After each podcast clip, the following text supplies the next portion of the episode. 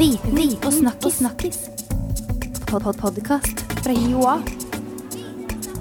Viten og snakkis. Velkommen til en ny episode av podkasten Viten pluss snakkis.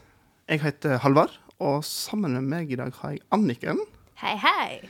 Hun sitter bak spakene. Vi har med oss Gerd Berger, du er stipendiat her på høgskolen. Hei sann.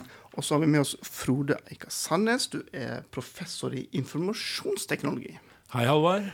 Hyggelig at dere vil komme. Eh, vi skal snakke om noe som heter universell utforming. Eh, det er kanskje noe mange har hørt om, men hva er det egentlig?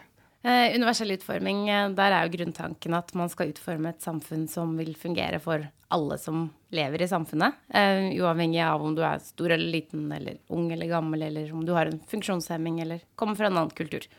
Og det gjelder da egentlig både fysiske omgivelser og f.eks. datateknologi. Nettopp. Så, så dette gjelder ikke bare de som ser dårlig eller hører dårlig. Dette gjelder alle. Det gjelder absolutt alle. Det gjelder Altså, vi kan jo ha forskjellige preferanser hvis man er gammel eller ung, f.eks. Eller du kan ha trent litt hardt dagen før og være støl og slite med å gå i trappa, og dermed få samme problemer som en som kommer på krykker eller rullestol, f.eks. Et viktig poeng er jo universell. At det er én løsning og ikke mange. Ikke? Når du har sokker, så har du forskjellige størrelser, eller kvinnesokker og sånn, men her er det snakk om å ha én. Det er et veldig viktig poeng. Ikke flere tilnærminger. Så du skal ikke liksom ha ett system for eh, de som er blinde, og et annet system for de som hører dårlig, og et tredje system for alle de andre. Det er målet. Og man ser jo ofte, hvis man ikke har ting som er universelt utformet, så ser du gjerne sånne bygg som det er en fin trapp i hovedinngangen, og så er det laget en stygg rullestolrampe ved siden av, eller at du har et skilt med rullestolinngang på baksiden av bygget, f.eks. Det er jo typisk da ikke universell utforming. Så sånn er det daglige da, når jeg eh, reiser på jobb. Hvordan ser jeg, eller kanskje jeg ikke oppdager sjøl, universell utforming i, i hverdagen? Hovedpoenget med universell utforming er jo at det ikke skal synes. Altså Hvis universell utforming virker, så legger du egentlig ikke merke til det i det hele tatt. Uh, og så har du noen sånne små tilleggsting eh, man legger på. For eksempel, eh, som jeg snakket med Frode om i stad, så har jeg hengt meg opp i disse knappene for å få sånn grønn mann nede i veiene her, holdt jeg på å si. Så, så oppdaget jeg plutselig i morges at på de så er det sånne bitte små kart. Sånn at hvis du er uh, sinnshemmet, så kan du kjenne med fingeren, og da kan du kjenne at her er det to trikkeskinner og to filer og midtrabatt og sånn. Og det har jeg aldri lagt merke til engang, så det var litt sånn morsomt. Pluss at det er en mystisk knapp på undersiden som du kan trykke på for å få lyset til å vare lenger. Og det visste jeg heller ikke før, liksom. Så det kan være sånne småting som det altså innimellom, som man ser hvis man legger litt merke til det. Mm. Du merker jo først merke til det når det ikke er universelt utformet. Ja. Når du ikke greier å få til noe som du ønsker å få til, eller får tilgang til noe. Det er da du egentlig merker mangel på det. Og så regner jeg med at jeg lager en haug med lover og regler og, om dette her, om, om hvordan samfunnet skal legge til rette for universell utforming. Hvordan er det lagt opp? Nei, det er, det er veldig interessant, da, fordi at i 2008 så, så bestemte, eh, kanskje ut ifra et sånn idealistisk ståsted, at man skulle, samfunnet skulle være universelt utformet. Så lagde man en lov som sier at ja, alt skal være universelt utformet. Bygg eh, og IKT, altså informasjonsteknologi, står jo spesifikt der. Og når vi, vi så dette, så, så tenkte vi at hva, hva verden betyr det? Det er jo fint at alle, skal ha tilgang, og sånn, men, men det står jo ikke noe om hva det er. Så det er en visjon kanskje som mer enn som man ikke, ting man ikke kan oppnå. Så det gikk jo mange år før man egentlig før man sa hva det betydde. Og, og nå i 2013 så kom det en forskrift som forteller egentlig hva det betyr for, innenfor informasjonsteknologi. Altså hva, hva faktisk gjør man? Og nå er det blitt, blitt litt mer forståelig. Ja. Mm. det, altså, Anniken og jeg vi jobber jo begge innenfor kommunikasjonsbransjen, og vi har jo fått merke dette litt på kroppen med bl.a. at vi elsker å produsere videoer. Nå skal de tekstes. Er dette en konsekvens av forskrifter? Absolutt. Hvis du tenker på Nå sitter vi her og, og, og har en, en, eh, en podkast. En, et lyd, en samtale på lyd. Hvis du da ikke kan høre, så er jo den helt utilgjengelig. Og, og det å ha da en, en, en tekstbasert, altså, en, en, altså skrevet ned hva som ble sagt, en sånn transcript, kan du si, det gjør jo da at da kan de som ikke kan høre, kan lese det. Og det er også flere grunner. Kanskje vi snakker utydelig, eller ingen øh, skjønner hva, helt hva vi mener, så kan man se det. Og det gjør jo at det er ikke bare døve som har, de som ikke har hørsel, som har eh, glede av det, men også dialekter. Det kan være folk som ikke har vært i Norge så lenge. sånn at hvis jeg vet ikke om dere har tenkt å lage det, men hvis det blir jeg tror ikke det er råd til det, men hvis det ble en, en transkribert uh, versjon av, av den samtalen vi har nå, mm. så, så vil jo mange flere kunne ha tilgang til det. Sånn at det går veldig bredt, og da blir det enda mer universelt. da kan vi si. Og det er et viktig poeng det Frode snakker om der. fordi man, det er veldig mange som tror at universell utforming bare er for de med funksjonsnedsettelser. Eh, men så tenker man jo at det er, eh, det er, mange ganger som man deler litt sånn karakteristikker. Altså du kan jobbe i et veldig bråkete miljø, f.eks., der du ikke hører. Eller du kan sitte og prøve å skrive en mail på telefonen mens du egentlig driver på noe annet, og da skriver mye mer feil enn det du ville gjort til vanlig. Sånn at veldig mange av de tingene vil være greit for de som ikke har noen funksjonsnedsettelser. Mm. Ikke sånn at eh, det som vi snakker om som klart språk, òg er en del av universell utforming? Jo, det er i, i, i, denne forskriften. Den refererer til noe som heter VKAG, som er en sånn internasjonal um, sett med uh, anbefalinger. Det står for Web Content Accessibility Guidelines. På norsk så er det da noen som kaller det for VSAG. Det syns jeg er veldig morsomt. VSAG, VKAG. Og, der, og den, den, tar for seg forskjellige områder som går med sånn helt konkret hørsel, syn, uh, hva som skjer inni hodet på en, uh, liksom, mangel på motorikk osv. Og, én ting der går på språk og klart språk. Og, og, og sånn i klartekst så sier man at uh, hvis tekst eller, eller språk da, skal være universelt utformet, så må det ligge på et nivå sånn cirka der hvor noen har gjennomført grunnskole. altså Uh, så det definitivt, Men hva er nå det, da? Og, og så da, Det forskerne gjør da, er å liksom se hvordan kan vi måle det kan vi sette en et, Hvis du skal si at uh, f.eks. En, en avis er universelt utformet, eller et, et lærested, så må du um, måtte ha noen konkrete mål. og Da, da, da prøver forskerne å gå inn og lage det.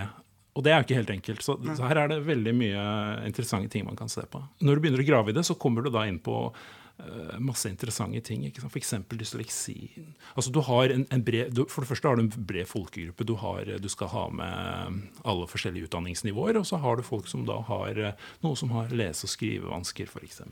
Ja, la oss snakke litt om det. For du, Geir, du, du, du jobber jo med dette her med dysleksi spesielt. Ja, stemmer. Eh, og hvordan kan vi legge til rette for, for dyslektikere på en god måte? Ja, Det er et godt spørsmål.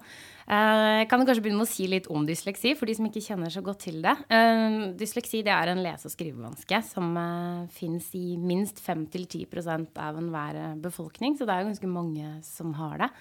Og det slår som regel ut i at du har problemer med å rett og slett lese og skrive. Du har problemer med å avkode ord, og du har problemer med å skrive og stave riktig. I tillegg så er det ganske mange som har problemer med mm, konsentrasjonen. Kan ha redusert korttidsminne eh, forveksle høyre og venstre, litt sånn motoriske ting. Så en del sånn tilleggsvansker som kommer i forskjellige grader, da.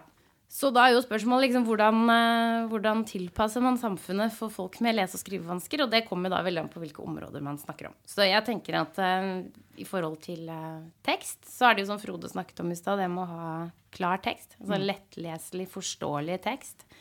Uh, og det ser man jo at når man gjør det, så blir det jo også bedre for alle oss andre også som ikke har dysleksi.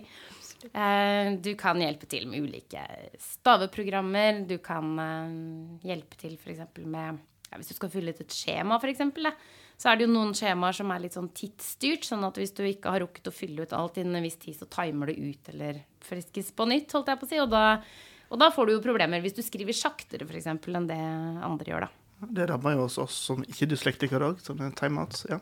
ja. Ikke sant? Og så er det mange sånne småting. For eksempel så ser man jo at uh, hvis du har dysleksi, så strever du mer med å lese tekst i kolonner enn å lese sammenhengende tekst. Uh, og det løser jo da f.eks. mange dyslektikere med at de ikke leser papiraviser, for de er vanskelig å lese med kolonner. Men når du leser nettversjonen, så er de gjerne annerledes i layouten. Så der uh, finner de gjerne det løsninger selv òg, da. Mm. Skyte inn her, Det som er veldig interessant med det som Geir sier nå, om liksom å se spesifikt på dyslektikere, det er, det er jo et paradoks her. da, At du har universell utforming som skal uh, gå for alle. Men samtidig, for å få til det, så må vi studere spesialtilfellene som vi egentlig ikke skal tilrettelegge for. Så det er en sånn motsetningsforhold i, i selve fagfeltet som egentlig er, er, veldig spennende. Så for å få til universelt, så må vi gå inn og se på alle disse kasusene. Altså. Mm. Men, men du, du, har da sett spesielt på søkemotorene. Ja. Hvordan dyslektikere bruker søkemotorer. Mm. Ja, utgangspunktet var jo egentlig at man ser jo at søk har jo blitt en veldig stor del av eh, folks hverdag. Man søker jo på mobiltelefoner og nettbrett på trikken og på jobb og hjemme og overalt. Søk dreper jo sånn sett enhver god diskusjon, for nå tar jo alltid bare noen opp telefonen og googler et eller annet. Så det er eh, Jeg kjenner folk som har regler på at det skal diskuteres i minst fem minutter før det er lov å sjekke det på Det er Google. regel. Det er regel. Ikke sant. Men man ser jo at man søker eh, mye, og det man eh, ser er at søkesystemene er jo veldig forskjellig utforma. Hvis man f.eks. søker i Google, så er det et ganske tilgivende system. Og der kan du skrive de rareste ting og få treff. Både med merkelig kombinasjon av ord og staving. Men så har du da f.eks. de systemene som brukes av studenter, da, som er eh, bibliotekkatalogene f.eks. Her bruker vi jo Bibsys som er helt motsatt. Der må alle ord staves 100% riktig for å få treff. Det er ikke noe stavhjelp underveis. Og hvis du får null treff, så står det bare null treff. Og et tips er at du kanskje kan sjekke stavingen av ordene dine. Det er jo veldig hjelpsomt hvis du ikke klarer å se selv hvor du har skrevet feil. Ja. Så det jeg har gjort, er da å prøve å finne ut eh, hvordan dysleksi påvirker informasjonssøk, og prøvd å se hvordan man da kan eh, forbedre disse systemene, da. Men vil du si at Google har løst det? For at jeg, jeg må- innrømme at av og til når jeg skal eh, finne ut hvordan jeg skriver et ord, så går jeg til Google og prøver meg, og så får jo, sier Google du mente du, og så, får du et forslag som ofte er korrekt. Mm. Og det jeg så på mine studier, var jo at det gjorde mange studenter. Når de bruker bibliotekkatalogen, så søker de først i Google til de finner ut hvordan de skal stave ordene, og så limer de det inn i bibliotekkatalogen. Og da tenker jeg at da har bibliotekene tapt. Altså vi må jo klare å Vi kan ikke være sånn vi brukes etter at du har dobbeltsjekket alt i Google først. Det, det blir feil, altså. Men er det snakk om eh, hvordan den programmerer søke, søkemotorene og de algoritmene som jobber i bakgrunnen. Både og. Det kan gå litt på f.eks. Altså det med å godta mye skrivefeil og sånn kan jo være koding i bakgrunnen. Men så har du jo også sånne ting som hvordan brukergrensesnittet ser ut. Altså det som brukerne ser på skjermen. Hvordan ser søkefeltet ut? Er det forståelige instruksjoner? Skjønner du hvordan du skal bruke det? Hvis jeg Google f.eks. foreslår jo mange ting mens du skriver, Eh, og det jeg så på mine studier, er jo at dyslektikere ofte ser ned på tastaturet mens de skriver. Fordi at det med å klare å få bokstavene stokka riktig, det er en utfordring nok. Sånn at de ser jo ikke at disse forslagene kommer opp på skjermen. Så derfor så er det jo liksom greit å gjøre sånne studier som vi har gjort nå, da. At du får avdekket at eh, kanskje hjelpefunksjonene er gode, men kanskje de skal utformes annerledes. Sånn at eh, du har en del gode forslag til Google òg. Jeg har noen forslag til dem òg, ja. Så vi får håpe at de har lyst til å høre på meg etter hvert. Er ferdig. Ja. Google gjør veldig mye bra, da. Altså, jeg tror de er liksom sånn Man skulle ønske at flere så til hva Google gjorde. Hvis du ser på f.eks. biblioteksystemene som Gerd viser til, så er det, det sånn legacy systems som ble laget for veldig lenge siden. Så har man prøvd bare å legge noe, en sånn wrapper rundt de gamle systemene for å få det på nett. Ja, og det, det er ikke gått, gått så veldig mye genuin innsats i å tenke helt nytt. Da, sånn at det er liksom gamle hester med, med nye navn, på en måte. Så eh, hvis vi kunne få litt av disse tingene til å smitte over på disse bibliotekene, hadde det vært mye bedre. Men nå har jo kanskje ikke de de samme ressursene som, eh, som Google har. eh, og Det går nok eh, litt på det med penger. Men eh, jeg så jo nå i, før jul så oppgraderte jo Bibsys til ny versjon. Akkurat når jeg var ferdig med mine eksperimenter, og så tenkte jeg bare nå er jo alt helt annerledes. Så nå gikk jeg inn og sjekket det, og da er jo alle de samme tingene som var dumt med forrige systemet, er jo like håpløst med neste. Så da tenkte jeg at det ble jo helt frustrerende, for her burde det jo vært mulighet til å gjøre noe, i hvert fall. Men nei. Jeg tror vi har sett mange eksempler på at, at eh, når man utvikler teknologi for the mainstream, altså uh, f.eks. Google som har, har trukket søkefeltet i en, en helt ekstrem retning, du har hatt mobilteknologien ikke sant, som vi har sett de siste 15 årene, at det har gjort at teknologi har også blitt mer tilgjengelig for alle andre. Sånn at når du lager noe for liksom for helheten, så vil det også hjelpe alle andre. Og det, på samme måte hvis du, som jeg har vært inne på tidligere, hvis du hjelper, liksom tenker på spesielle grupper, så vil det også hjelpe alle de andre. Så dette har veldig brede effekter. Altså. Og det så jeg veldig godt i mine eksperimenter, for jeg sammenligna dyslektikere med matchende kontrollpersoner, og de stava jo masse feil, de også. Og det var ofte at de faktisk også måtte til Google for å dobbeltsjekke. Så det viser veldig tydelig at det er ikke bare dyslektikerne som sliter med dette her. Men da er også spørsmålet på andre siden er, er det fornuftig å bruke masse ressurser på universell utforming for noen få, eller er det kanskje ikke for noen få? Det er den første motforestillingen som, som dukker opp, at universell utforming er, er veldig dyrt og, og kostbart. Det, det, tenker jeg er en veldig sånn forenklet syn på ting. altså Veldig, veldig kortsiktig. Hvis du tenker på, på næringslivet, eh, ta, ta f.eks. den gamle ideen om en herrefrisør. Da sier du dette stedet er bare for herrer. Eller du har en sånn kvinnefrisør. Eh, hvis jeg hadde starta frisørsalong i dag, så ville jeg, jeg, gjerne tjene penger. Og da ville jeg hatt så mange kunder inn døra, og da ville jeg sagt her er alle velkommen som vil klippe håret sitt. Og det er litt av tankegangen. Hvis du driver en nettbutikk, hvis du ikke vil gjøre den tilgjengelig for alle, da mister du kunder. Så jeg tenker at uh, de som uh, har no, no, no, noen uh, sider som gjør at de trenger litt annen tilnærming, de er også kunder. De har penger, og de vil betale. Så du, du, det er faktisk, jeg vil påstå at du vil tjene penger på å universelt utforme. Det, er en liten investeringskostnad initielt, men det vil du tjene på på lang sikt. Og det er jo snakk om å ha en annen tankesett rundt design av, av systemer. sånn at når du først kommer inn i det, så Eh, vil jeg hevde at det ikke det koster noe mer, egentlig. Når, når det liksom ligger uh, innebygd, integrert i det du driver med. Altså. Jeg merker det, jeg jobber en del med mm, å gjøre våre nettsider universelt utformet også. Merker at det alltid er liksom ganske vanskelig å få folk til å gjøre det siste ekstra for å kunne få det universelt utformet. At ikke det er nok Folk har liksom ikke nok lyst til å gjøre det, for de ser ikke nok effekten av det selv. Så vi mangler litt de der eh, argumentene for å kunne få folk i, i gang. Kjempebra at, at, du jobber med det for å få disse nettsidene opp. og Det er derfor vi får lovverket. ikke sant? Mm. Og, og, nå er det sånn at hvis man ikke følger forskriften, så kan man på en måte bli, eh, bli meldt, og da kommer det Direktoratet for uh, IKD ja, Difi, ja, Difi mm.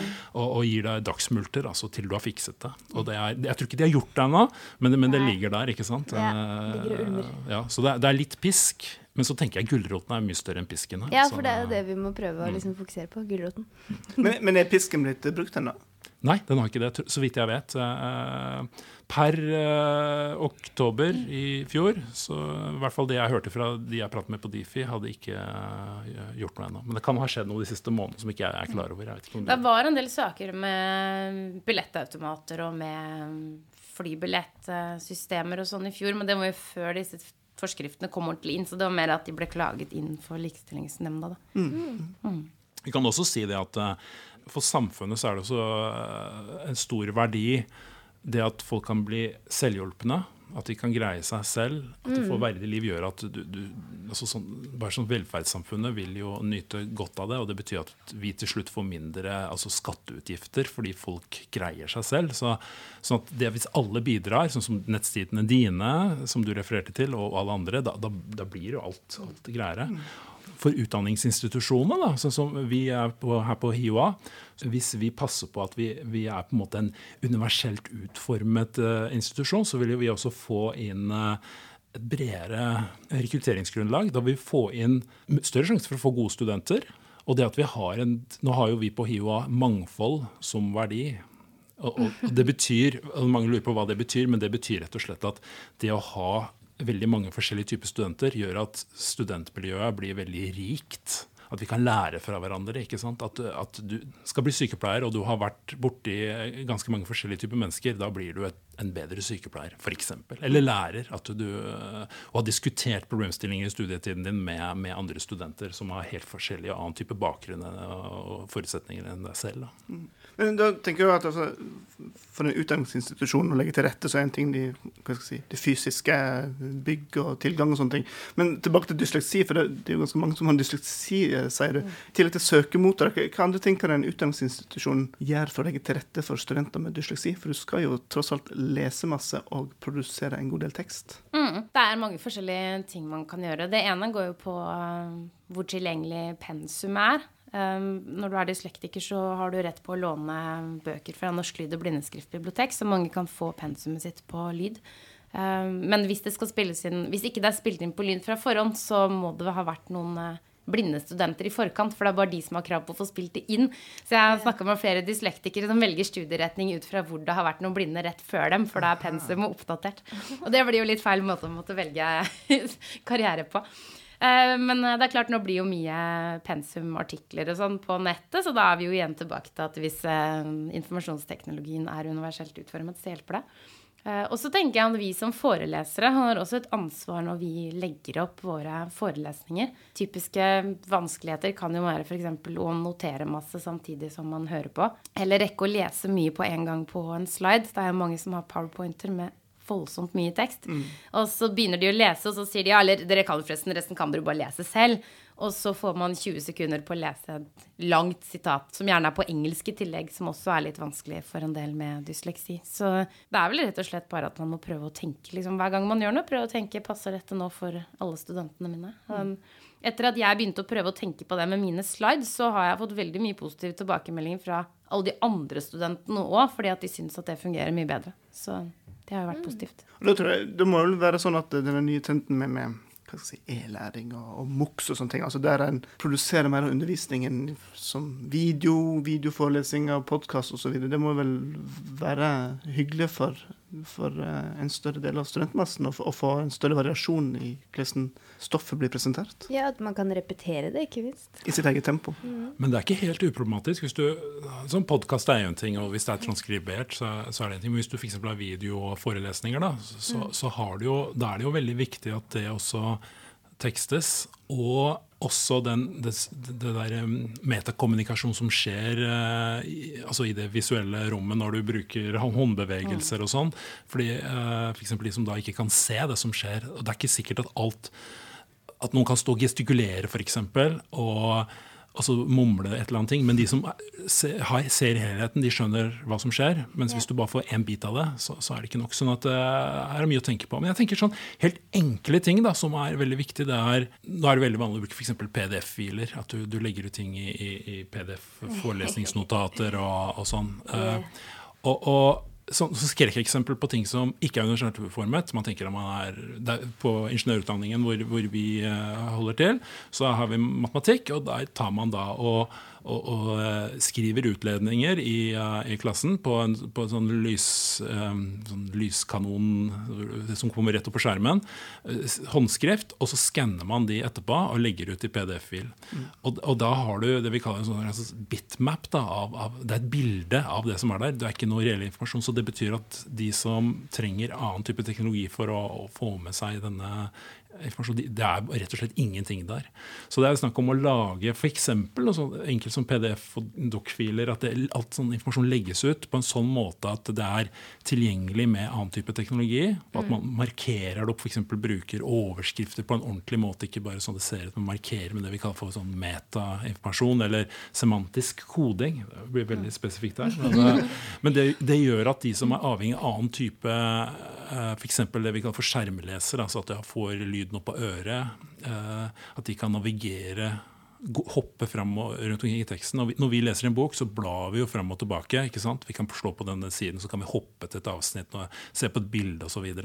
Mens mm. når du får lyd f.eks. på øret, så, så, så, kommer det som en strøm, og du vet ikke hva som ligger på neste avsnitt. men hvis du da liksom gjør en liten ekstra innsats, så blir det lett å hoppe fram og tilbake. Ikke så lett som når man har en bok, men tilnærmingsvis.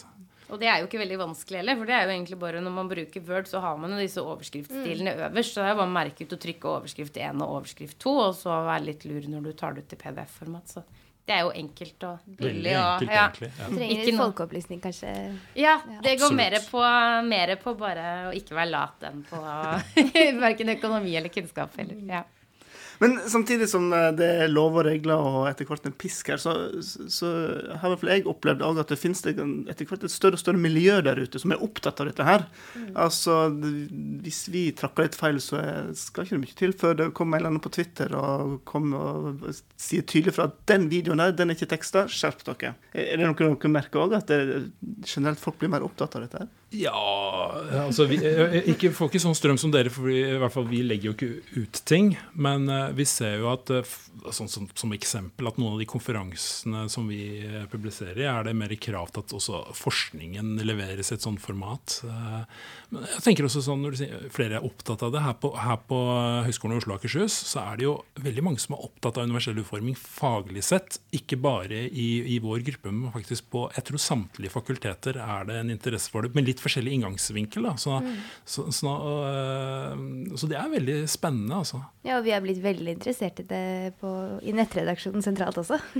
det er veldig bra. Ja, så er det jo et fint ideal, tenker jeg, at man har en sånn grunntanke om at alle skal inkluderes i samfunnet, liksom, uansett uh, hvem man er og hvordan man er bygd sammen. Så det burde jo være alles interesse uansett. Ja, men så bra. Du, Frode og Geir, dette har vært veldig interessant. Og det jeg sitter litt igjen med, er at uh, det skal ikke så mye til for å gjøre ting universelt utforma. Og en gjør ikke det bare for de få, men en gjør det faktisk for alle, alle sammen. Altså, ting blir bedre. Er det sånn jeg tenker? Meget eminent eh, oppsummert. Uh, Helt riktig. Ja. Tusen takk for at dere ville komme på besøk. Takk for at du kom. Med. Ja, tusen takk til dere. Og takk for at du ville høre på. Eh, hvis du har lyst til å høre flere episoder, så vil jeg anbefale deg å eh, abonnere på Viten pluss snakkes i eh, podkastspilleren din på din mobiltelefon. Da får du neste episode automatisk rett ned. Og så vil vi bare ønske deg en veldig god dag videre. Ha det bra. Ha det bra. Viten og snakkis. snakkis. Pod Podkast fra Joa. Viten og snakkis. snakkis.